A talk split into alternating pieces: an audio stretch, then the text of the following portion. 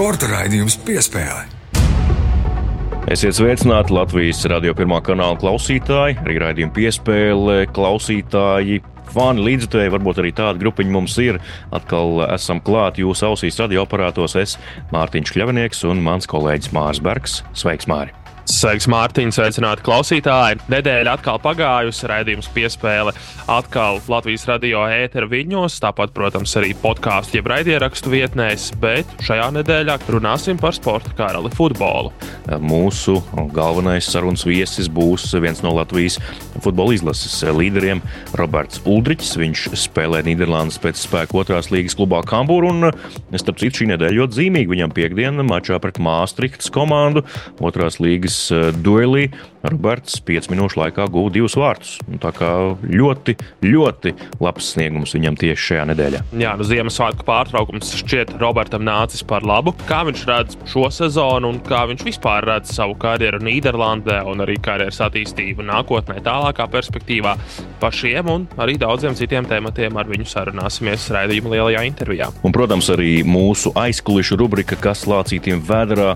Šorīt parunāsim ar Latvijas Futbola Federācijas prezidentu Vadimu Ļašenko mēģināsim izzināt, kā notiek Latvijas futbola izlases jaunā galvenā trenera meklēšanas process, un kad tad beidzot mēs varētu uzzināt, kurš vadīs Latvijas Nacionālo valsts vienību turpmākos, es gribētu teikt, gadus. Droši vien jau, ka uz gadu vienu šo līgumu neparakstīs. Protams, kā jau tas ir pierasts gan Latvijā, gan arī visur citur pasaulē, kamēr paraksti nav likti uz līguma, tikmēr vārdi netiek minēti, bet kopumā Vadim šajā sarunā pastāsta interesantas lietas. Lietas, kas līdz šim publiski vismaz manuprāt, nekur nav izskanējušas saistībā ar treneru meklējumiem izlasē. Sporta raidījums piespēlē.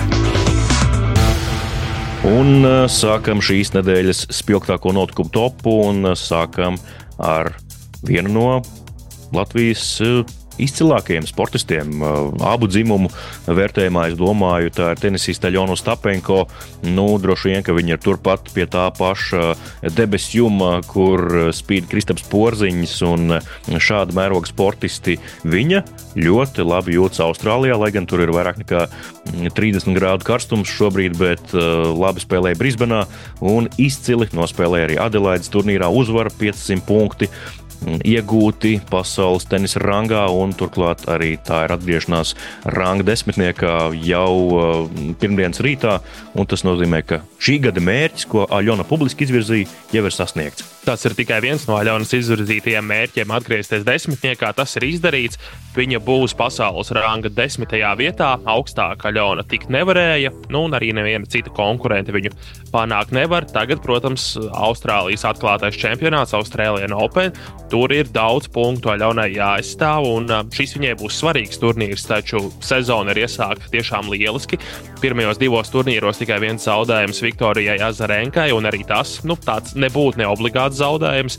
Turpat Aļona noteikti domā, ka viņi to spēli varēja uzvarēt. Ir pamats optimismam, domājot par turnīru Melburnā, kas sākas jau būtībā šodien. Jā, un uh, otrdien no rīta divos pēc Latvijas laika Ļonai arī pirmā spēle. Nu, tur, protams, sākuma laiks var mainīties, bet uh, katrā gadījumā otrdienas rīts uh, lieciet modinātājus, sekojiet jaunākajai informācijai. Bet, ja par Adelaides turnīru, tad es skaidrs, ka atzīšos, neesmu redzējis nevienu no šīm spēlēm no sākuma līdz beigām, tikai labākos izgriezumus, labākos brīžus. Bet tas, ko var secināt pēc eh, nu, šo labāko epizodu noskatīšanās, eh, Aļona, protams, ka, kā jau mēs arī esam teikuši iepriekš, ir tā pati vecā labā Aļona ar emocijām, bet Adelaidā un arī jau Brīsbenā tas parādījās. Var nospēlēt nevis tikai, eh, kā saka, no visas spēka sitot pa bumbu un trāpot laukumā, ir labā diena vai sliktā, bet arī gudri noīsināt sitienus, pamanīt pretinieku kaut kas tur ir mainījies. Man liekas, kaut kādas tādas pozitīvas iezīmes un jauna dimensija parādās. Aļonas spēlē brīdums, varbūt. Aļonas spēlē ik pa brīdim parāda šādu dimensiju, ka viņa mēģina spēlēt saīsinātos sitienus, vēl kaut kādas lietas. Taču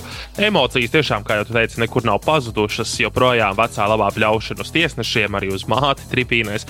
Tas nav pazudis un nekur arī nepazudīs. Bet eh, nu, pagaidām izskatās, ka viņa ir gan fiziski gatava, gan arī tādā labā spēles formā, jūt bumbiņu, jūt laukumu. Un tas nav mazsvarīgi, jo Aļonai gada sākums, tieši janvāris, tradicionāli nav bijis pats labākais. Viņai šajos pirmajos gada turnīros, kas tradicionāli notiek Austrālijā, Jaunzēlandē, šajā reģionā, nu, nekad nav gājis diezko labi. Šobrīd viņa ir nospēlējusi ļoti labi Brisbanā, Adelaidā izcīnīts pietiekami labs, nozīmīgs tituls, 500 punktu turnīrs nav gluži sētas mačs, lai arī jā, varētu teikt, ka daudzas labas spēlētājas tur nepiedalījās. Tur bija daļa, kas spēlēja United Cup savu valstu izlasē, Sidnejā un Pērtā nepiedalījās Brisbanā. Pēc tam viņas arī nepiedalījās attiecīgā Adelaidā, gatavojoties Austrālijai Open. Bet nu, tituls ir tik un tā jāizcīna. Un galu galā Adelaidā bija piemēram Jelēna Rībakina, viena no pasaules vadošajām spēlētājām, Wimbledonas čempione pirms diviem gadiem. Nu, viņa apstājās pret uh, Aleksandrovu, kuru Aļona apspēlēja, piemēram, pusfinālā. Līdz ar to arī pietiekami labs spēlētājs pa ceļam ir uzvarēts, lai šo titulu iegūtu. Pārfrāzējot uh, Lauru Dārziņu, viņam patika teikt uh, šo teicienu daudzkārt. 500 punktu arī Āfrikā ir 500 punktu. Tā kā tas uh, rangā ir, tas ir nodrošināts un desmitnieks ir. Sekojam šonadēļ līdzi, kā viņai veiksies Austrālijas atklātajā tenisa čempionātā, bet uh, dodamies tālāk uh, un pārceļamies uz Ziemeļameriku. Mums tāds pamatīgs ceļojums no Austrālijas uz Ziemeļameriku. Nākamais pieturas punkts mūsu šīs nedēļas topā. Nacionālā hokeja līga, viena konkrēta komanda, viens konkrēts spēlētājs - Kolumbus Blue Jackets un vārdsargs Elvis Merzīkins. Nav spēlējis kopš 30. decembra. Sākumā jā, bija ziņas, ka ir apslimis, bet pēc tam bija klusums. Pats arī ar medijiem nerunāja Ziemeļamerikā, un te beidzot šonadēļ klusums tika lausts, Elvis izteicās, pateicis diezgan daudz, ko domā par mm, savu šī brīža situāciju, un gal galā Tas zemteksts ir tāds, ka viņš, viņa aģents un Blue Jackets vadība ir vienojušies, ka meklēs Elvim citēju labākus apstākļus. Citādi beigas. Ko tas nozīmē? Tas nozīmē, ka Elvis grib tikt aizmainīts uz citu komandu. Jā, un šeit ir svarīgi piebilst, ka Elvis tiešā tekstā komandai nav pieprasījis maiņu, proti, spēlētājiem ir šāda iespēja pieprasīt maiņu, un tad nu, komanda var izvēlēties, ko un kā darīt bet Elvis pats šo maiņu nav pieprasījis. Tā ir tāda apusēja vienošanās. Mēs tev meklēsim citas karjeras iespējas. Tas nozīmē, ka Elvi agri vai vēlu mēs ieraudzīsim citā komandā, un Kolumbusas Blue Jackets kraklā viņa dienas. Nu, varam teikt, tā ir skaitītas. Vairs ilgi viņš tur neuzkavēsies. Jautājums, kad šī maiņa notiks, vēl šīs sezonas gaitā tas var notikt bet manuprāt, tas ir diezgan masticams, ņemot vērā viņa līgumu, algas apmēru un to, ka viņam ir vēl trīs gadi pēc šīs sezonas palikuši līgumā. Nu, respektīvi, NHL komandām ir vienkārši grūti viņu paņemt tieši šajā brīdī, konkrētajā situācijā. Vasarā tas jau kļūst krietni vienkāršāk, nu, nosacīt vienkāršāk. Vasarā tu vari veikt daudz vairāk manevrus, tev ir brīvākas rokas.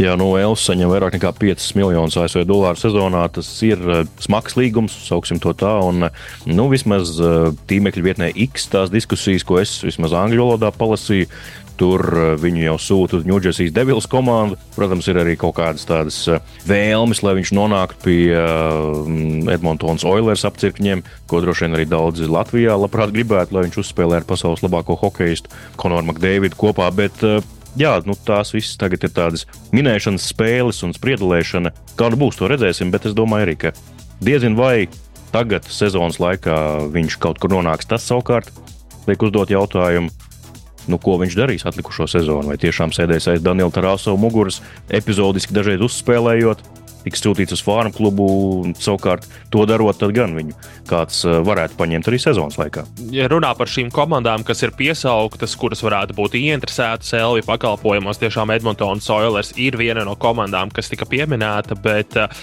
par to es arī piekdienu runāju radio ēterā. Edmontonai un viņu vārdsargiem sezonas pats sākums bija tiešām briesmīgs. Tur viss bija ļoti slikti tieši ar vārdsargu līniju, bet tagad vārdsargu līnija ir stabilizējusies.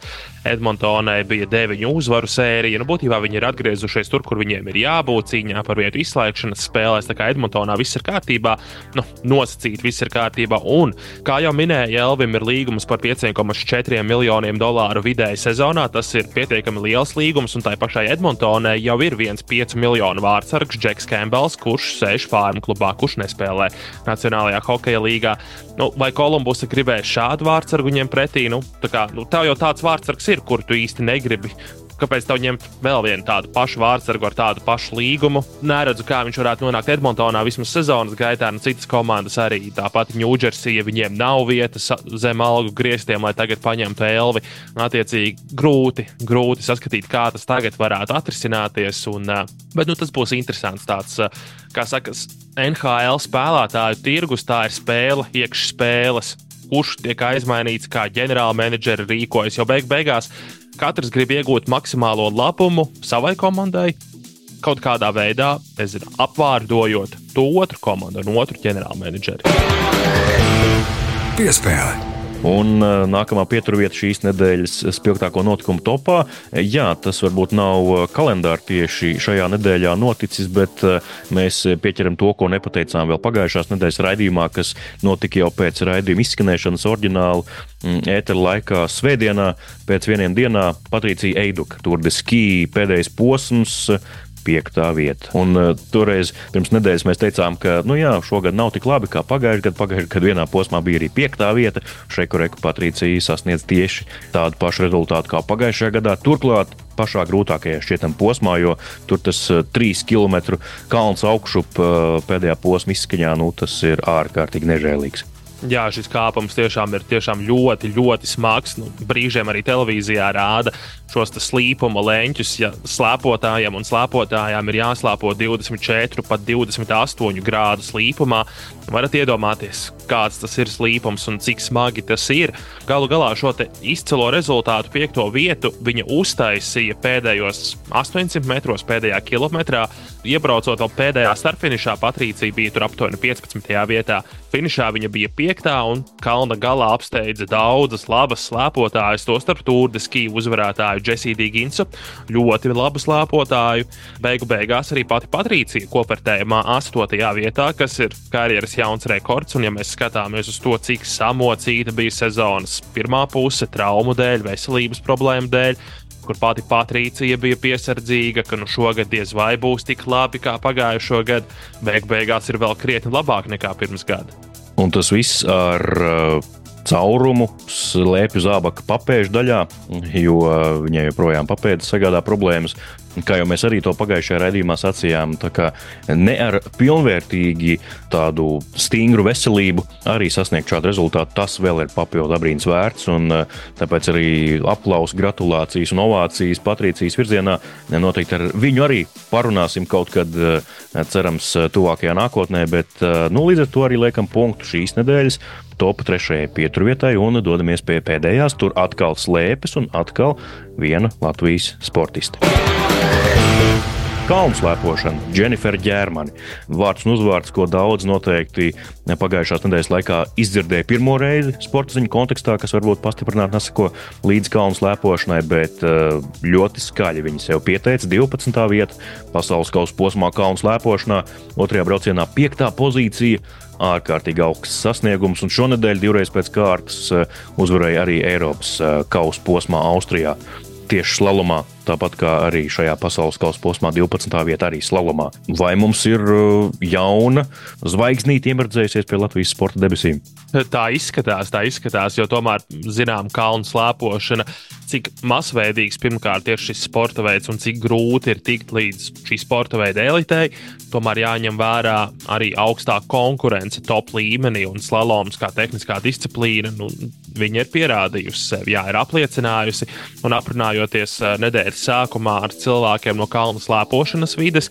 Jā, daudzi teica, ka redzējām, ka meitenē ir talants un zinājām, ka rezultāts kādreiz būs. Nu, tagad tas ir atnācis. Jā, un tur, protams, jāņem vērā arī ģimenes tradīcijas. Arī Dženifers mamma, bijusī kalnu slēpotāja PSRS laikos, viņai gan augstākā vieta pasaules kausa posmos, 4. Meitai vēl ir kur kāpt un ko sasniegt, un māma pārspēt, bet tas laikam, kas raksturo šo stāstu, tāpat kā līdzīgus, kā Kristapa Porziņu, kā Dāvu Bērtānu basketbolā, piemēram, kā Rudolfu Balceru, Zemku Girgensonu hokeja, un tā mēs varētu saukt un saukt.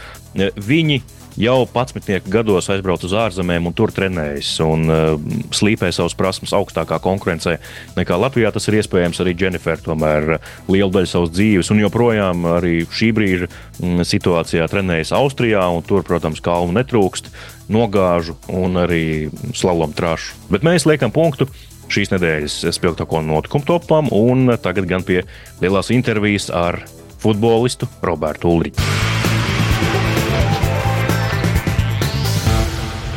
Latvijas radio pirmais kanāls, sporta raidījums piespēle, un esam atkal klāt jūsu ausīs radio uztvērējos, un šonadēļ par sporta karalu futbolu runājam, un e, mums ir arī īpašs viesis Māri, vai ne? Jā, nu tā nu ir sanācis, ka varbūt mazliet neierastā laikā runājam par futbolu, kad Latvijas izlasēji nav spēļu, kad arī Latvijas virslīgā ir pārtraukums, bet Šoreiz mums uz lielo sarunu pievienojas viens no Latvijas izlases spēlētājiem, smailes uzbrucējs Roberts Ulriķis. Roberts, sveiks! Sveiki! Sveiki, sveiki!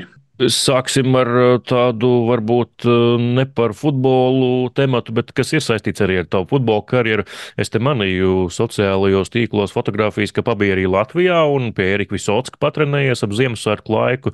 Cik ilgi tev sanāca būt Latvijā un ko tu paspēji izdarīt dzimtenē? Pēdējā spēle bija 22. decembrī sanāk, uzreiz nākamajā dienā lidoju atpakaļ uz Latviju, lai būtu mājās ar tuviniekiem, ar radiem, lai varētu nosniegt Ziemassvētkus. Un tad jau arī jā, tajā nelielajā pauzē satikos, kā parasti to daru jau pēdējos, laikam, sešus gadus, vai cik jau esmu ārzemēs.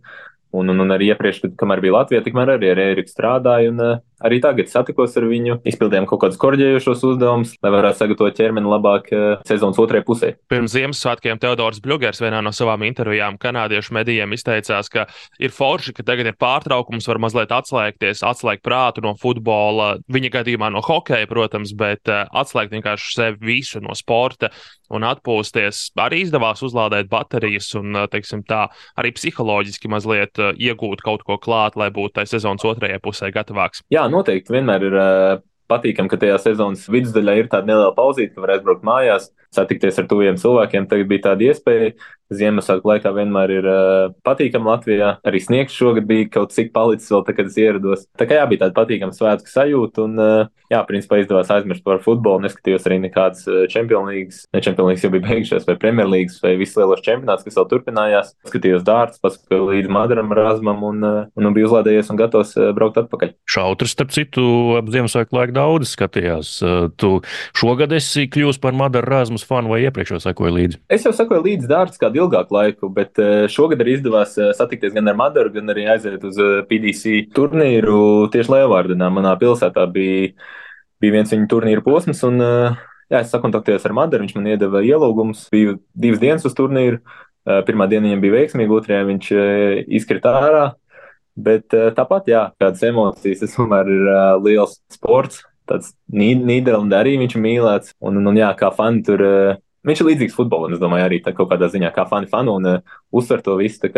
Man patīk, man patīk tās emocijas, kas tur ir. Interesanti, jā, bija tā. Parunāt gan ar viņu, gan redzēt no eventa tieši no tā pasākuma iekšas. Nu, pats piedēļ arī kādreiz nostājies un uzmet šautriņus. Kad spēlētāji gatavojas, laikam jau Madars, man liekas, bija izmets, un tad es pēc tam aizgāju tajā viņa sagatavošanās istabā vai kā sauc tajā, un, un, un tur bija viņam tieši dēls, viņi izsildījās. Un es arī es neatceros, ar ko, bet es izmetu. Un pirmos divus es vispār nebiju metis, nezinu, nu, cik ilgi kopš bērnības, ja, un pirmos divus metienus iemetu tajā trīskaršajā divdesmitniekā. Man bija 120 punkti jau zināms, un tu man bija trešā dārta, no nu, trešā šautriņa, bet to es, nu, netrāpīju garām.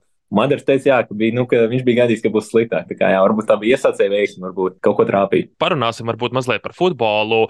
Gribējām par tavu treneri, kurš ir atgriezies. Henks De Jongs tagad ir atgriezies Kampūras komandā. Oktobrī viņš tika apstiprināts amatā, un jāsaka tā, ka arī tava spēle pašam gada nogalē nu, būtībā atzima vairākas spēles ar vārtiem, rezultatīvām piespēlēm. Henks De Jongs, tas ir tavs treneris, vismaz tieši Kambūrā. Kambūrā visticamāk, jā, viņš. Nu, ar viņu man ir vislabākās uh, attiecības šobrīd bijušas, kas bija Kambūras uh, treneris. Jā, viņš saprot uh, mani, viņš zina, kā man izmantot. Viņš man uzticējās jau no paša sākuma, kad es uh, atnācu. Es pierādīju viņam to uzticību, uh, attaisnoju. Un, jā, te ir izveidojis labs konteksts, bet tāpat viņš man nekad neļauj atslābt un vienmēr man turpina motivēt, lai es eh, turpinātu strādāt. Bet eh, pie iepriekšējā treneris jā, bija nedaudz grūtāks eh, periods. Pēdējais gads tieši pie viņa nespēlēja varbūt tik daudz, cik gribētos, un arī nācās skatīties, ka komanda bieži zaudē. Galu galā, jā, klubs pieņēma loģisku lēmumu un atlaida viņu, jo bija vāja rezultāti. Arī komandas iekšēnē nebija viss ideāli. Bet uh, Henks De Jongs jau acīm redzot, nu labi, tu jau sacīki, ka viņš ir, nu, tā, tavs treneris šajā klubā, bet viņš ir arī šī mm. kluba tāds treneris, jo droši vien, arī vadība uz viņu liek diezgan lielu kārtu, jo divreiz ja viņš jau no Esta divīzija ir pacēlis uz augstāko līgu šo komandu. Kluba leģenda varētu tā teikt, uh, viens no labākajiem un veiksmīgākajiem treneriem, uh, kāds klubam ir bijis. Mums arī izdevās izcīnīt 9. vietu Eredivīzijā. Manā pirmajā gadā, kad es biju šeit, kas ir kluba rekords. Jā, un tad sanāca, ka viņam bija tās veselības problēmas nopietnas, un tad tās vajadzēja atrisināt, bet viņam vēl bija līgums palicis spēkā, un tā kā ir viņa pēdējais gads palicis, nu, līdz jūnijam, tas nāk pēdējais pusgads šobrīd. Un tad es domāju, jā, ka klubs skatīsies, kas un kā, vai turpināt vai neturpināt sadarbību. Bet viņš, viņš māca uztaisīt labu komandu no, no, no jebkādiem spēlētājiem. Jā, un iepriekš arī jau minēja, ka pašam varbūt bija grūtāks posms, kādu laiku neizdevās iesist mazāk spēles laiks un tā tālāk. Nu, būtībā tāds gadu ielūks klusais periods sanāca klubā. Pašam kaut kādas, nezinu, kompleksi vai mentāli šaubas neiezagās par savu spēlēt prasmu un par to, ko tu dari laukumā. Spēlēt prasmu noteikti ne, neiezagās, jo es zināju, ka es eh, spēlēju tāpat, kā es to darīju vienmēr. Eh, labā līmenī un eh, vienmēr eh, centos atdot visu, ko varu uz laukuma. Bet vienīgais, jā, ka pietrūka varbūt to golu un, vai rezultatīvu piespēju, kas tieši uzbrucējiem ir ļoti svarīgi. Jo Jo vispārējie komponenti man bija labi. Un tad varbūt tas iespējas tāds ir uzreiz, ka tas nebija izdevies gads vai kaut kā tā. Labs mācību gads, tā es uz to skatītos. Varbūt. Kādus iegūmus tu saskati spēlējot, nu, sev personīgi Nīderlandes otrajā līgā? Jo, nu, te Latvijā arī diskutē tomēr tas pats, piemēram, Rīgas kapteinis Milošs Joičs par viņu arī teica, nu, atbrauc ļoti augstā līmenī spēlētājs, bet ar laiku viņš tomēr pielāgojas virslīgas kopējiem, tam vidējiem līmenim. Tāpēc varbūt arī sezonas beigās nebija tik spilgts, un to arī tomēr no augstākās līgas uz otro. Mm, gan jau tev arī kaut kādā mērā jūt, ka tu kaut kā, es nezinu, varbūt pat negribot pielāgojies tam viņu līmenim, un tad tev sev kaut kā vairāk jāmotivē, lai atkal pacelt sevi augstāk ar ko saistās spēlēšana otrajā līgā un kādus iegūmus tu tur sev saskati? Kur tu varbūt vari attīstīties tieši šajā līmenī, spēlējot kādos elementos? Protams, patīkamāk būtu spēlēt uh, Eredivizijā vai vai jebkurā augstākajā līgā. Bet man arī bija šādas situācijas iepriekš karjerā, kad es braucu no Šveices čempionāta vai no Eredivijas uz, uz, uh, izlases, uz izlases nometnēm, un arī es vienmēr centos uzturēt to savu līmeni, tā kā pavilkt pārējos arī līdz sev, uh, saviem tiem standartiem un uh, darba etikai, nevis uh, pielāgoties tam citu spēles tempam vai ritmam.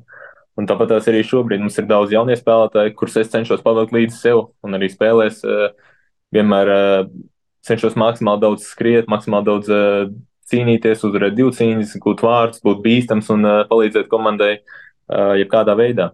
Tā plaisa starp augstāko līgu un otro līgu ir liela. Nu, tomēr ir valstis, kur nav tik jūtama tā atšķirība starp augstāko un otro līgu, kā Nīderlandē.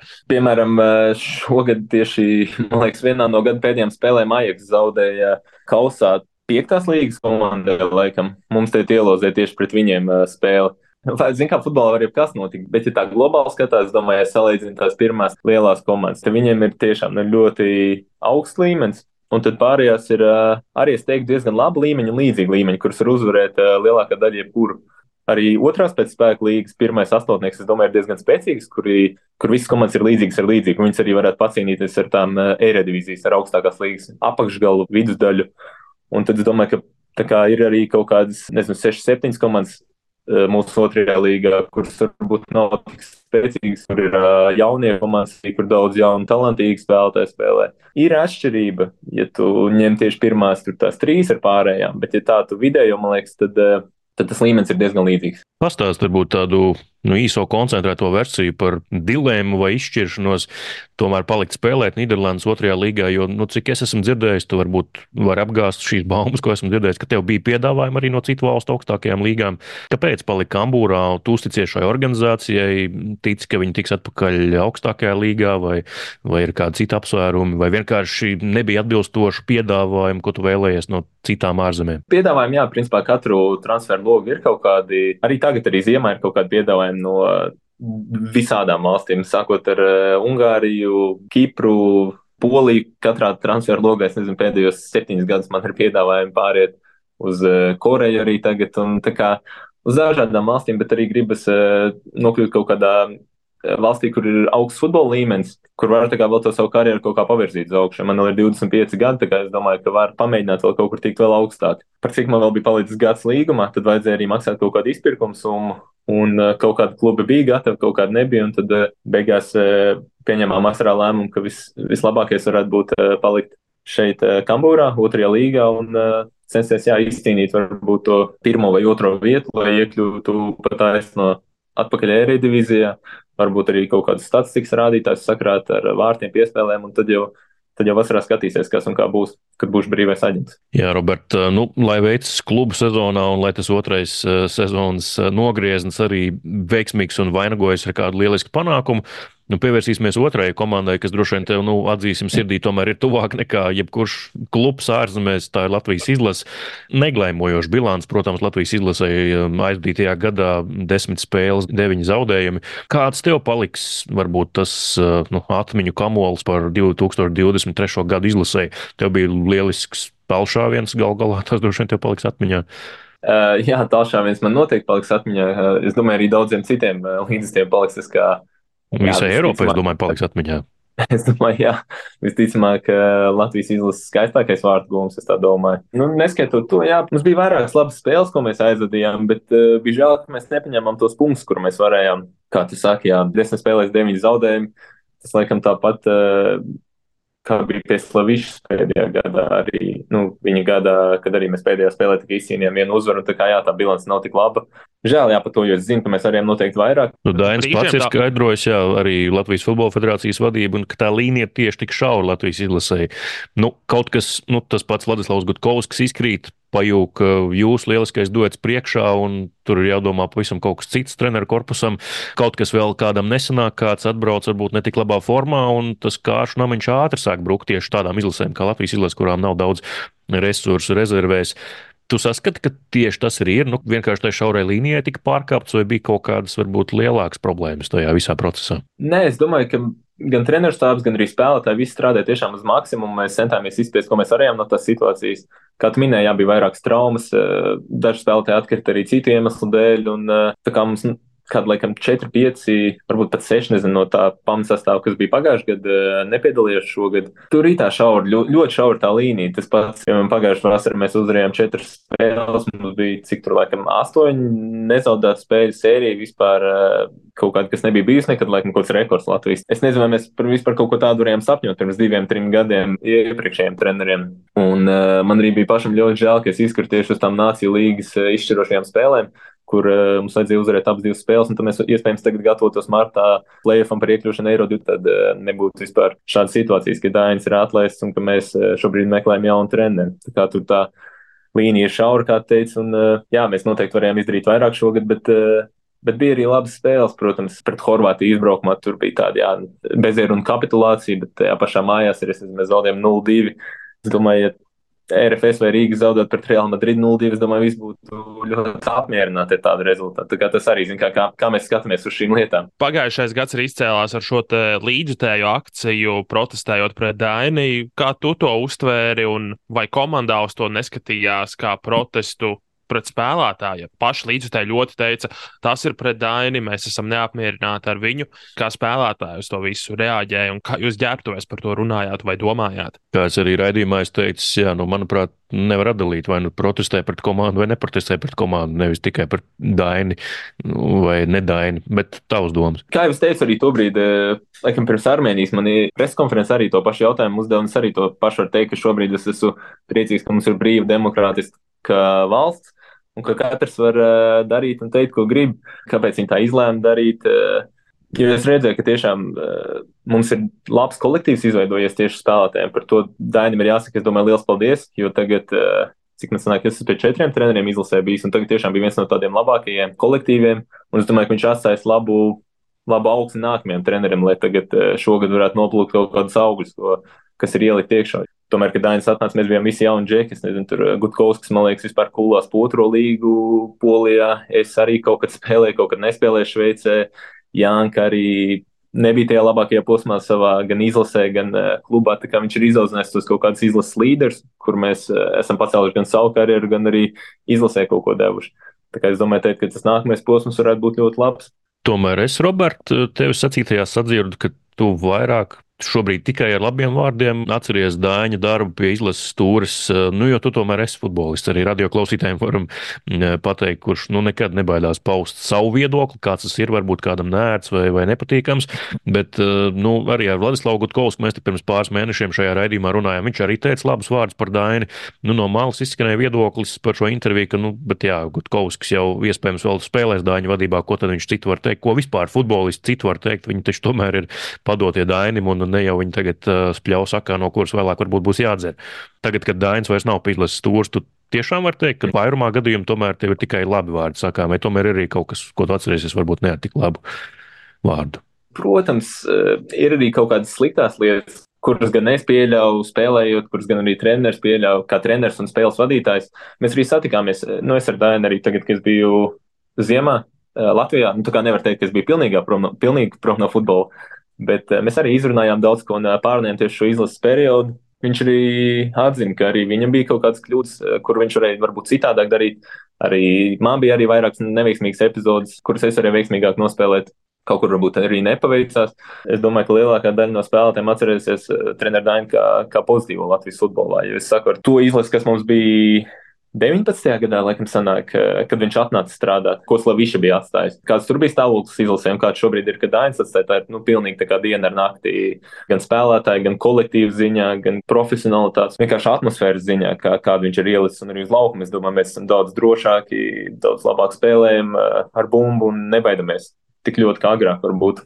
Žēl, ka viņam neatļāva līdz galam to izpildīt nākamgad. Bet jā, tāda ir treneru dzīve. Par to arī mēs runājam. Es domāju, ka nav neviens treneris pasaulē, kurš nav ticis atlaists. Droši vien par uh, skatu nākotnē te ir izskanējušas runas, ka federācija lents vienu itāļu treneri, kas varētu kļūt par galveno Latvijas izlasē, ko tu esi dzirdējis un, un kas tev varbūt patiktos labāk? Es esmu dzirdējis arī par uh, to pašu itāļu treneru un vēl, laikam, diviem speciālistiem vai kaut ko tādu, ka ir kaut kādi vairāk varianti. Man, principā, galvenais, lai ir treneris, kurš grib strādāt, kurš grib uh, sasniegt labus rezultātus, jo, jo, kā es saku, mums te ir tiešām, es domāju, labi iespēja, jo lielākā daļa no tiem kodolspēlētājiem sastāv ir uh, 25, 20 9, 30 gadi, nu, kaut kur tajā reģionā.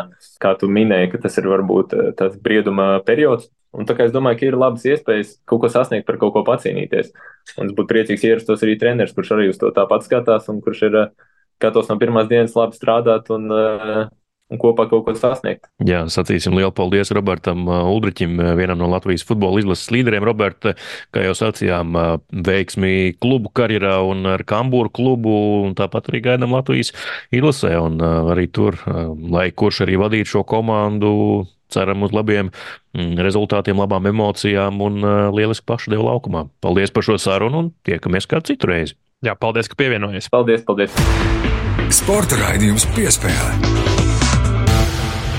Tāda lūk saruna ar futbolistu Robertu Ulriķu. Es domāju, daudz interesantu nianšu gan par Kambūru klubu, Nīderlandes otro līgu, tāpat arī par Latvijas īdlas gal galā, jo process joprojām notiek. Latvijas Futbola federācijas vadība aktīvi meklē jaunu valsts vienības galveno treneri. Rubrikā Kas lācītim vēderā, kā jau Mārtiņa minēja raidījuma ievadā, dzirdēsim Latvijas Futbola Federācijas prezidentu Vadimu Ļašenko, kurš tad arī pastāstīs dažna, dažādas nianses par to, kā tad risinās vīru izlases galvenā trenera meklējumi un kad mēs beidzot varētu noskaidrot, kurš tad vadīs Latvijas izlasi turpmāk.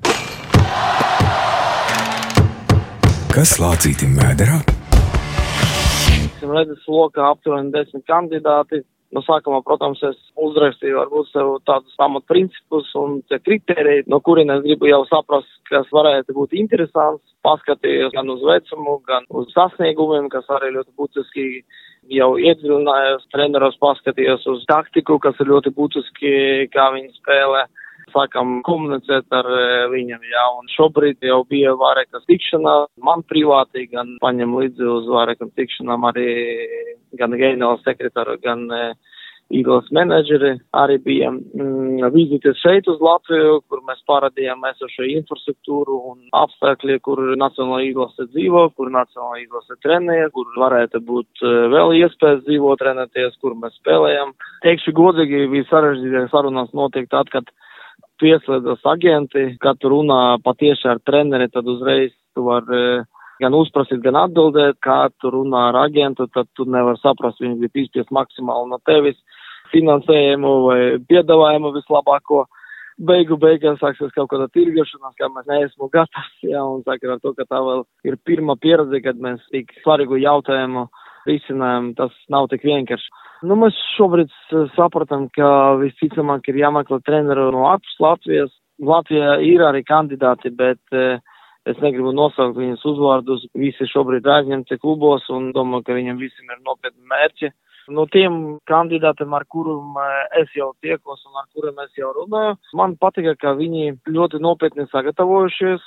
Mēs jau katru nu, tikšanās laikā diskutējam aptuveni 4-5 stundas, pat nākam eh, ļoti dziļi uz taktiku, uz schēmām, uz eh, spēlētāju skaitu Latvijā, cik spēlētājs treneri var izmantot, cik varētu būt redzes loka, varbūt nosaukt to spēlētājus, kur ir kandidāti, bet sakarā ar kaut kādām sarkanām līnijām varbūt viņi nav izsaukti uz nacionālo izlasi.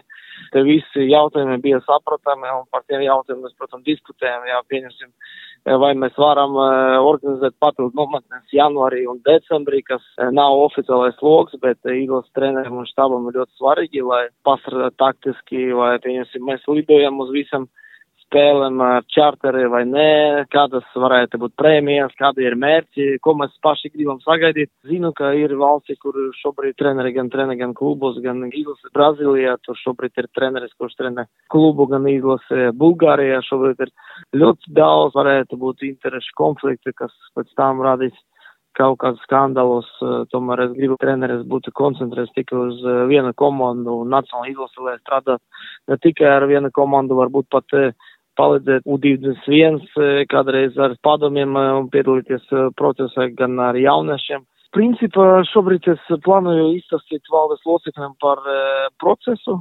Šai valdē vēl mēs nebūsim gatavi jau prezentēt, gan es gribu labāk sagatavoties un mums ir uzstādījums, ka mums līdz mēneša beigām ir jāparāda kandidātu, nu, tad vēl ir laiciņš jā, tāpēc šis ir ļoti tāds svarīgs process, kuru ietvaros vajag e, apdomāt gan vienai pusē, gan otrai pusē, un vēl tur pa vidu, kā es jau teicu, ir juridiski momenti, jāpieslēdz agentus un uh, juristus, tāpēc uh, šis nebūs tik vienkārši jautājums.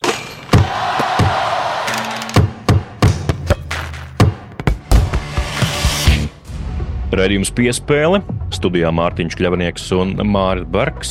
Visu, ko gribējām jums pateikt, laikam šonadēļ esam arī izstāstījuši. Par futbolu daudz runājām, skatīsimies, sekosim līdzi un vērtēsim, kāds tad būs Latvijas izlases jaunais galvenais treneris un kad pirmkārt eh, viņš tiks nosaukts viņu vārds un uzvārds, bet eh, nu, līdz tam mums eh, šoreiz vismaz jāliek punkts raidījumam. Mēs, protams, būsim atkal pēc nedēļas atpakaļ, atkal ar jauniem tematiem un interesantām sarunām par sportu un ne tikai.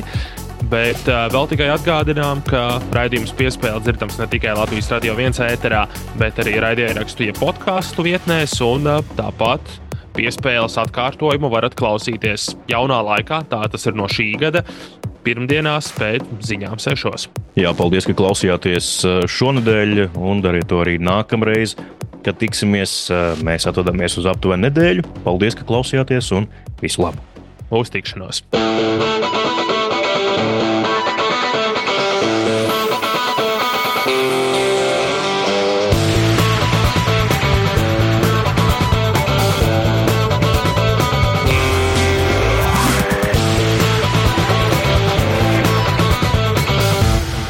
Sporta raidījums piespēlē.